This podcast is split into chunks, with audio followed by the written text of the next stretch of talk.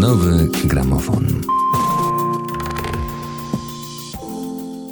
Witam w kolejnym odcinku podcastu Nowy Gramofon przy mikrofonie Dominika Baraniec. Dzisiaj wyjątkowo nie rozmowa, a zbiór tego, co ciekawego w kulturze dzieje się w Krakowie i okolice. Gdzie warto pójść, co zobaczyć i co nas czeka w najbliższych miesiącach.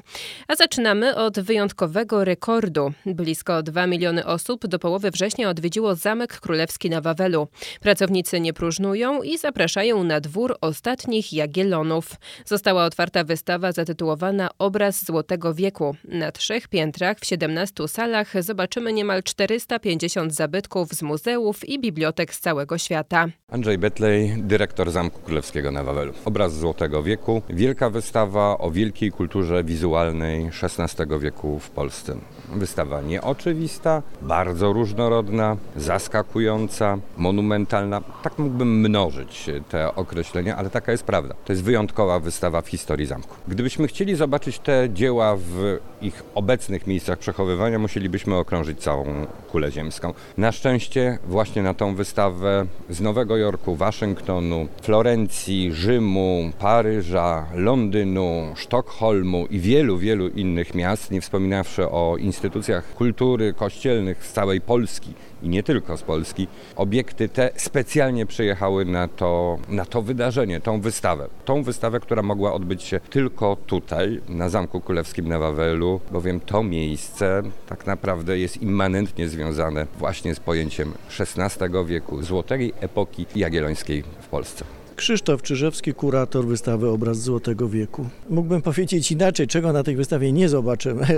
tak jak e, temat e, wystawy, czyli kultura czasów ostatnich Jagiellonów była różnoraka i bardzo barwna, tak i wystawa jest wieloraka i wielobarwna. Można powiedzieć, że tak jak e, Rzeczpospolita składająca się z Polski i z Litwy była wielonarodowa, była wieloreligijna, ale była także wielopiśmienna. Tak właśnie wystawa jest e, wieloreligijna, bo to oczywiste, że każdy z przychodząc na tę wystawę, spodziewa się, że będą obrazy ze sfery religijnej. Ale bardzo istotne jest to, że chyba po raz pierwszy w takim stopniu prezentujemy obok dzieł związanych z Kościołem katolickim także dzieła z kręgu Kościoła prawosławnego. I myślę, że są one i niezwykle satysfakcjonujące estetycznie, no ale też pokazują inne pojęcie, inne pojmowanie obrazu właśnie w kręgu wschodnim. Jednocześnie mogę powiedzieć tak, że wątki się ze sobą splatają i kiedy wspominam o ikonach, to mogę tutaj zachęcić do zobaczenia no, dzieł, które są owszem w stałej ekspozycji, ale dość daleko na krańcach obecnej Polski, a mianowicie chodzi o zdjęte ze ścian freski, freski z cerkwi w Supraślu. I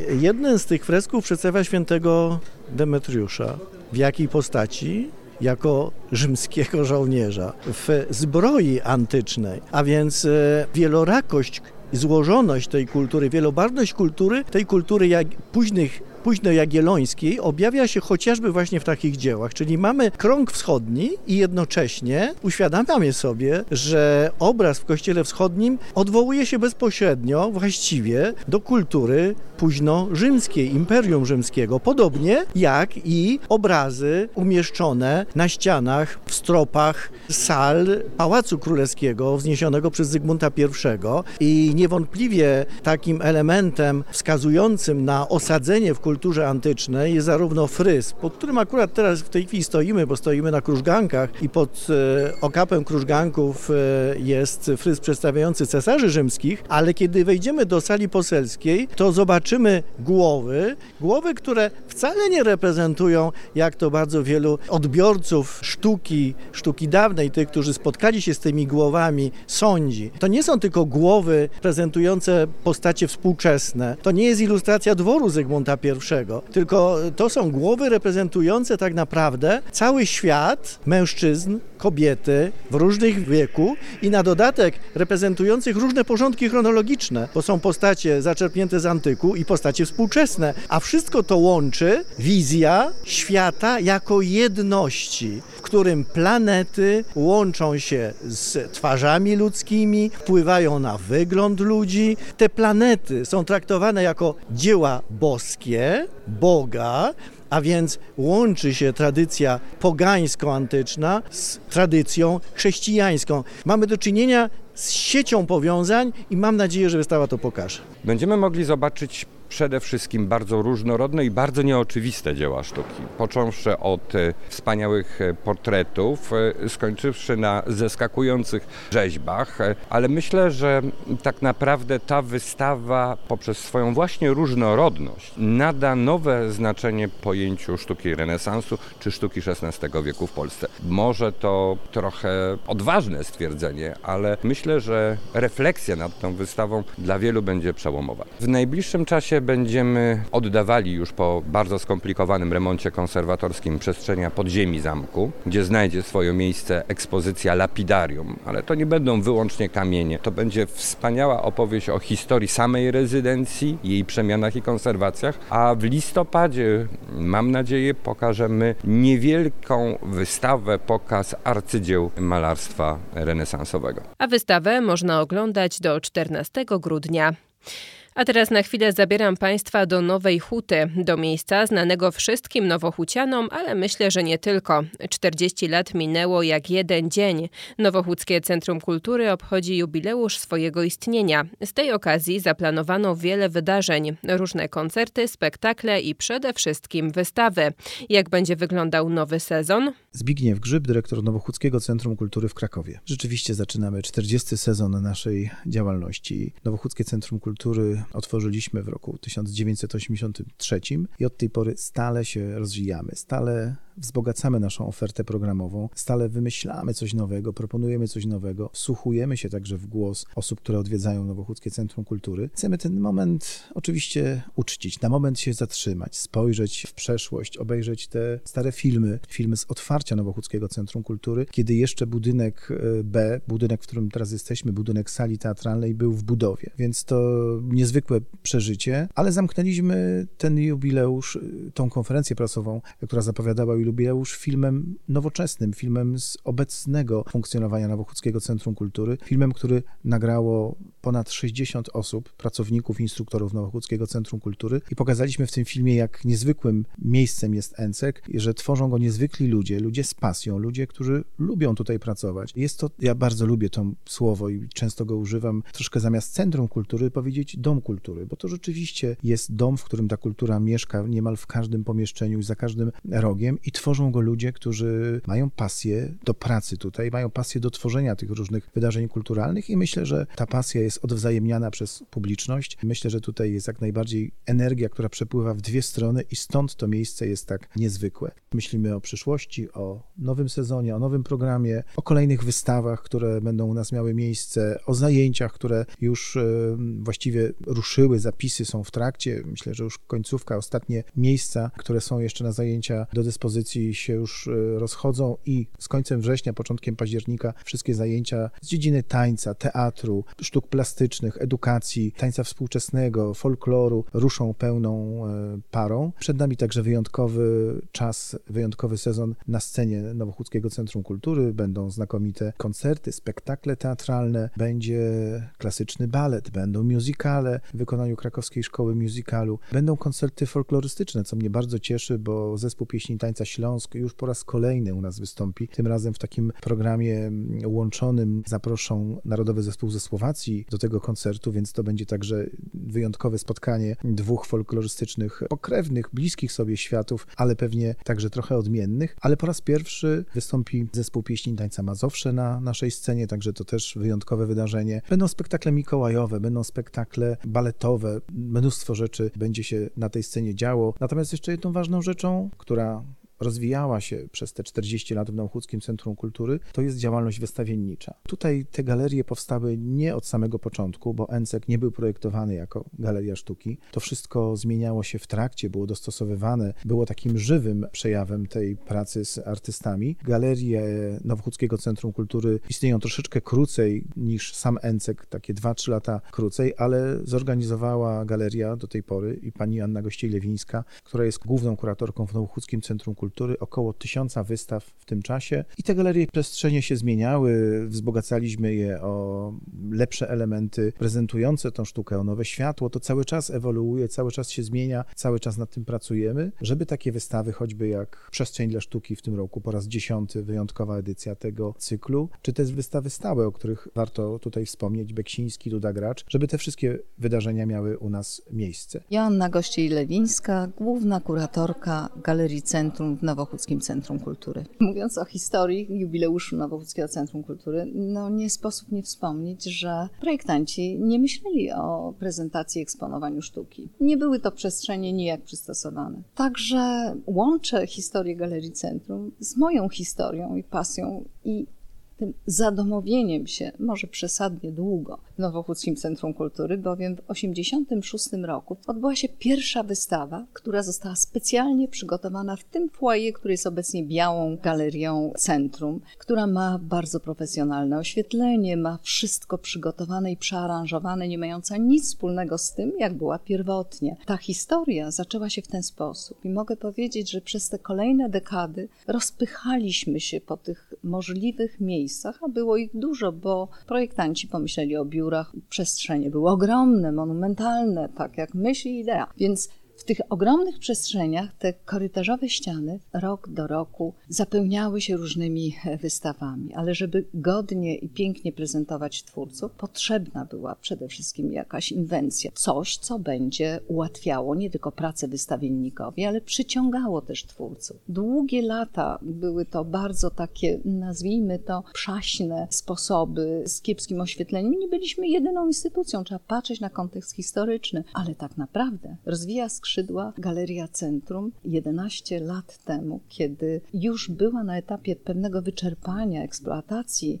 takiej technicznej, kiedy mogliśmy, a raczej dzięki zapałowi inwencji dyrekcji, odnowić i lokować w to, co się liczy najbardziej. I od tego momentu sztuka zaczęła być jednym z najważniejszych odniesień działalności Nowochódzkiego Centrum Kultury. Ta sztuka, która w tej chwili wygląda w ten sposób, że jest sześć galerii, które każda ma swoje oszyldowanie, dwie galerie autorskie z muzealnymi eksponatami wybitnych twórców polskich uznanych i pochodzących z kolekcji prywatnych. Nie będąc muzeum, jesteśmy równocześnie otwarci na profesjonalne zadbanie o to, żeby warunki nie tylko ekspozycji, ale również magazynowania, przyjmowania odbiorców była na najwyższym poziomie. A przypomnę, jesteśmy miejską instytucją kultury i sztuki, która dominuje i dzięki wsparciu, zaufaniu temu, że ta sztuka jest najlepszym sposobem. Koncert odbywa się w danym dniu. Sztuka jest z nami tak długo, jak trwa wystawa. Ile przestrzeni, tylu artystów, ile projektów, tyle obecności nowych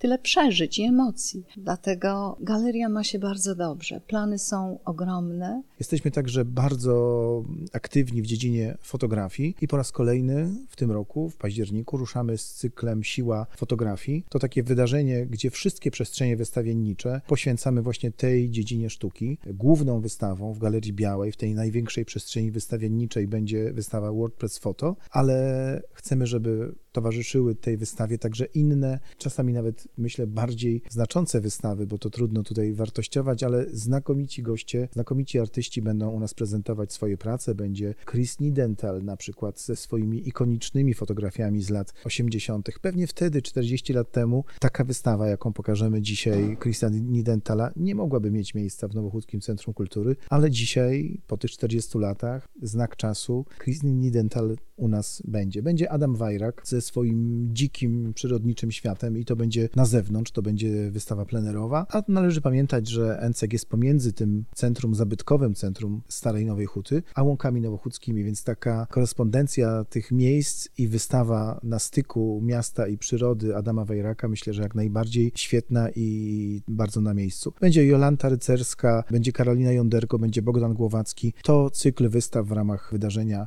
Siła Fotografii w Nowochódzkim Centrum Kultury. A ja przypomnę, że Nowochódzkie Centrum Kultury powstało w 1983 roku po trwającej 10 lat budowie. Rocznie instytucja organizuje ponad 1000 wydarzeń, w których uczestniczy blisko 700 tysięcy osób. Wycieczki, warsztaty i nowe wystawy. Teraz zajrzymy do Muzeum Krakowa. Otwarto wystawę poświęconą 45. rocznicy wpisania Krakowa na listę UNESCO oraz niedługo otwarcie wystawy o fenomenie ruchu harcerskiego. Ruszyły także zapisy do 15. edycji imprezy Zajrzyj do Huty. Krzysztof Haczewski, Muzeum Krakowa. Dużo różnych wydarzeń, dwa otwarcia wystaw, dwa duże wydarzenia. Idąc po kolei, to będzie otwarcie takiej wystawy, może nie jakiejś bardzo wielkiej, spektakularnej, spektakularnej, ale ważnej, o dotyczącej 45 lat odnowy Krakowa, znaczy funkcjonowania Społecznego Komitetu Odbudowy Zabytków Krakowa, związanej z tym, że jest też 45-lecie wpisu Krakowa na listę UNESCO. A pod koniec miesiąca, 30 września i 1 października zapraszamy serdecznie do Jugowic, do Fortu 52A Jugowice, do Muzeum i Centrum Ruchu Harcerskiego na zwiedzanie tego muzeum, w którym otworzymy wystawę harcerską o historii ruchu harcerskiego. Walery Bubień, oddział Pałac Krzysztofory, Muzeum Krakowa. Wystawa 45 lat odnowy Krakowa, miasta na liście Światowego Dziedzictwa UNESCO. Można będzie oglądać tutaj w Pałacu Krzysztofory w przestrzeni Arkad do 8 października. Wystawa przedstawia Kraków, właściwie historię odnowy zabytków Krakowa po roku 1978, czyli jest tu mowa o roku, w którym staromiejska zabudowa Krakowa właściwie Stare Miasto, Kazimierz, Stradon, Wawel zostały wpisane na listę Światowego Dziedzictwa UNESCO. No i trzeba pamiętać, że to była pierwsza lista, tak? Znalazło się tam jeszcze oprócz tego 11 innych obiektów e, z innych krajów. Wystawa opowiada o rozwoju właściwie konserwacji, remontu, restauracji Starego Miasta i nie tylko, także obiektów, e, zabytków, które znajdowały się, można powiedzieć, kiedyś na obrzeżach Krakowa. Mam tutaj na myśli twierdzę Kraków lub inne na przykład zabytki palacowe i na tej wystawie zobaczymy przede wszystkim bardzo wiele zdjęć. Są to zdjęcia, które pochodzą z lat 70., 80., często starobiałe, czarnobiałe i te zdjęcia przedstawiają jak Kraków wyglądał pod koniec wieku XX, jeszcze w czasach PRL-u. Możemy zobaczyć tą starą zabudowę, która nie była odnawiana, nad którą trzeba było pracować nad y, jej restauracją i właściwie takim rozwojem odnowy zabytków Krakowa był rok 1990, czyli kiedy już nastąpiły zmiany ustrojowe, kiedy w skład biura SKOSK-u, czyli Społecznego Komitetu Odnowy Zabytków Krakowa, weszli historycy, konserwatorzy, naukowcy i dzięki ich pracy rozpoczęło się właściwe odnawianie przestrzeni Starego Miasta, różnych zabytkowych budowli i właściwie również przedstawiamy, jak ten Kraków przez te różne barwne zdjęcia wygląda również dzisiaj. Piotr Kapusta, adiunkt w Muzeum Nowej Huty, oddziale Muzeum Krakowa, kierownik Zajrzyj do Huty w tym roku. Zajrzyj do Huty to jest takie, no myślę, bardzo obszerne wydarzenie, ponieważ wydarzenie składające się z ponad 100 wydarzeń. W tym roku prawie 40 uczestników mamy. Są to instytucje nowochódzkie i nie tylko, bo takie też się znalazły wśród naszych partnerów. I drodzy Państwo, najkrócej na takie pytanie odpowiadając, e, możemy zaglądać do Nowej Huty i poznawać ją, czy to na przykład przez wycieczki takie tradycyjne, piesze, z przewodnikami. Czasami są to nawet mieszkańcy Nowej Huty. Możemy też jeździć na rowerach, możemy podróżować autokarami, to zarówno zarówno współczesnym Solarisem albo e, historycznym ogórkiem. Też taka możliwość będzie. Szereg wystaw e, udostępnionych przez różne instytucje, różne muzea jest do zobaczenia. Spotkania na przykład ze świadkami historii. W tym roku z panem Zygmuntem Młenykiem będzie takie spotkanie przez Stowarzyszenie Sieć Solidarności o latach 80., o e, opozycji wtedy działającej, prowadzone u nas w muzeum. No i co jeszcze, drodzy Państwo? Możemy to podzielić także na takie kategorie jakby wiek odbiorcy, tak? Czyli mamy zarówno ofertę dla najmłodszych, e, jak i no, stopniowo ludzi coraz starszych, aż po myślę seniorów. I też warto spojrzeć na to, że to wydarzenie odbywa się nie tylko w centrum Huty, czyli w tak zwanej Starej Nowej Hucie, ale także na terenach e, no, trochę bardziej odległych od tej Starej Nowej Huty, oddalonych o jakieś kilka nawet kilkanaście kilometrów. Stąd można odwiedzić chociażby Muzeum Archeologiczne e, w Krakowie, oddział Nowa Huta, czyli Branice, Młodzieżowy Dom Kultury w dawnym forcie Twierdzy Austriackiej, forcie Krzesławice, Klub Kuźnia na osiedlu Złotego Wieku. Ogród Doświadczeń też w tym roku zaprasza z materiałami promocyjnymi, które już są dostępne w siedzibach partnerów od e, kilku dni. Bartożeńca, kierownik Muzeum i Centrum Ruchu Harcerskiego. Otwieramy wystawę, projekt, który razem z organizacjami harcerskimi harcerskimi współtworzymy prawie od 12 lat. No i w ostatni weekend września następuje kulminacja, czyli otwarcie wystawy. Wystawa dzieli się na dwie części. Pierwsza jest poświęcona tak chronologicznie historii ruchu harcerskiego, natomiast druga część bardziej tak organoleptycznie pokazuje, jak harcerze działają i jest przygotowana z tej okazji gra na tej wystawie, także po zwiedzeniu, oglądnięciu będzie można wykorzystać te wszystkie informacje i zmierzyć się z tymi wszystkimi rzeczami, co na co dzień harcerze się zmagają. Tych organizacji w Polsce harcerskich jest bardzo dużo i młodzież cały czas jakby chce brać w tym udział. No i o tym, o, właśnie o tym fenomenie jest ta wystawa. Do tego oczywiście dochodzą rozliczne, mniejsze wydarzenia, zajęcia, warsztaty, które cały czas się u nas odbywają w 19 oddziałach. Także jest co robić w Muzeum Krakowa zdecydowanie. A szczegóły oferty na wrzesień i cały rok są dostępne na stronie Muzeum Krakowa. A na koniec muzycznie. Na granicy muzyki współczesnej i alternatywnej rozpoczyna się festiwal Sacrum Profanum. Koncerty będą odbywały się nie tylko w różnych miejscach, ale też miesiącach. Pierwsza odsłona 21. edycji festiwalu odbyła się w zeszły weekend, a kolejne odbędą się w październiku i listopadzie.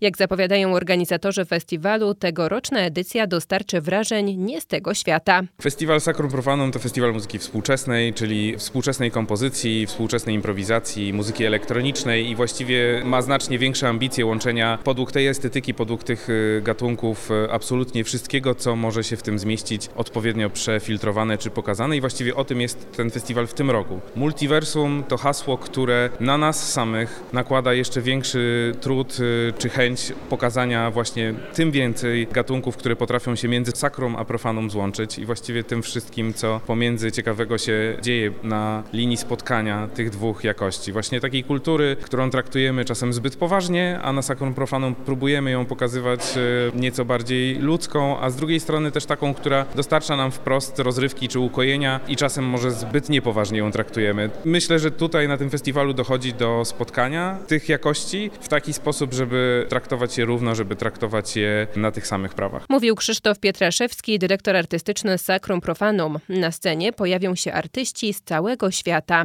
To są dziesiątki dziesiątki, żeby nie powiedzieć setki artystów, e, gdy zbierzemy wszystkich e, muzyków tworzących zespoły, takie jak e, Sinfonieta Krakowia czy Chór Polskiego Radia, to ilość tych artystów się mnoży. Myślę, że nie w ilości, a jakości siła i, i zdecydowanie chciałbym polecić występy przede wszystkim Matsa Gustafsona i Ensemble ale też Mary Halvorson, jednej z najsłynniejszych, najbardziej rozchwytywanych gitarzystek jazzowych w tej chwili na świecie, czy Nilsa Ronsholda i Jakoba Kulberga, duetu duńskich artystów, którzy którzy też e, są rozchwytywani, grają na całym świecie, ale śmiało chciałbym rozszerzyć tę listę o nazwiska polskich kompozytorek, kompozytorów, m.in. Aleksandry Słysz czy Wojtka Blecharza, którzy w tej chwili zdobywają sceny międzynarodowych festiwali właśnie podobnych do naszego. Cieszę się, że w Krakowie usłyszymy ich premierowe wykonania. Pierwsze koncerty już za nami, a kolejne odsłony festiwalu odbędą się 20 października i w drugi weekend listopada.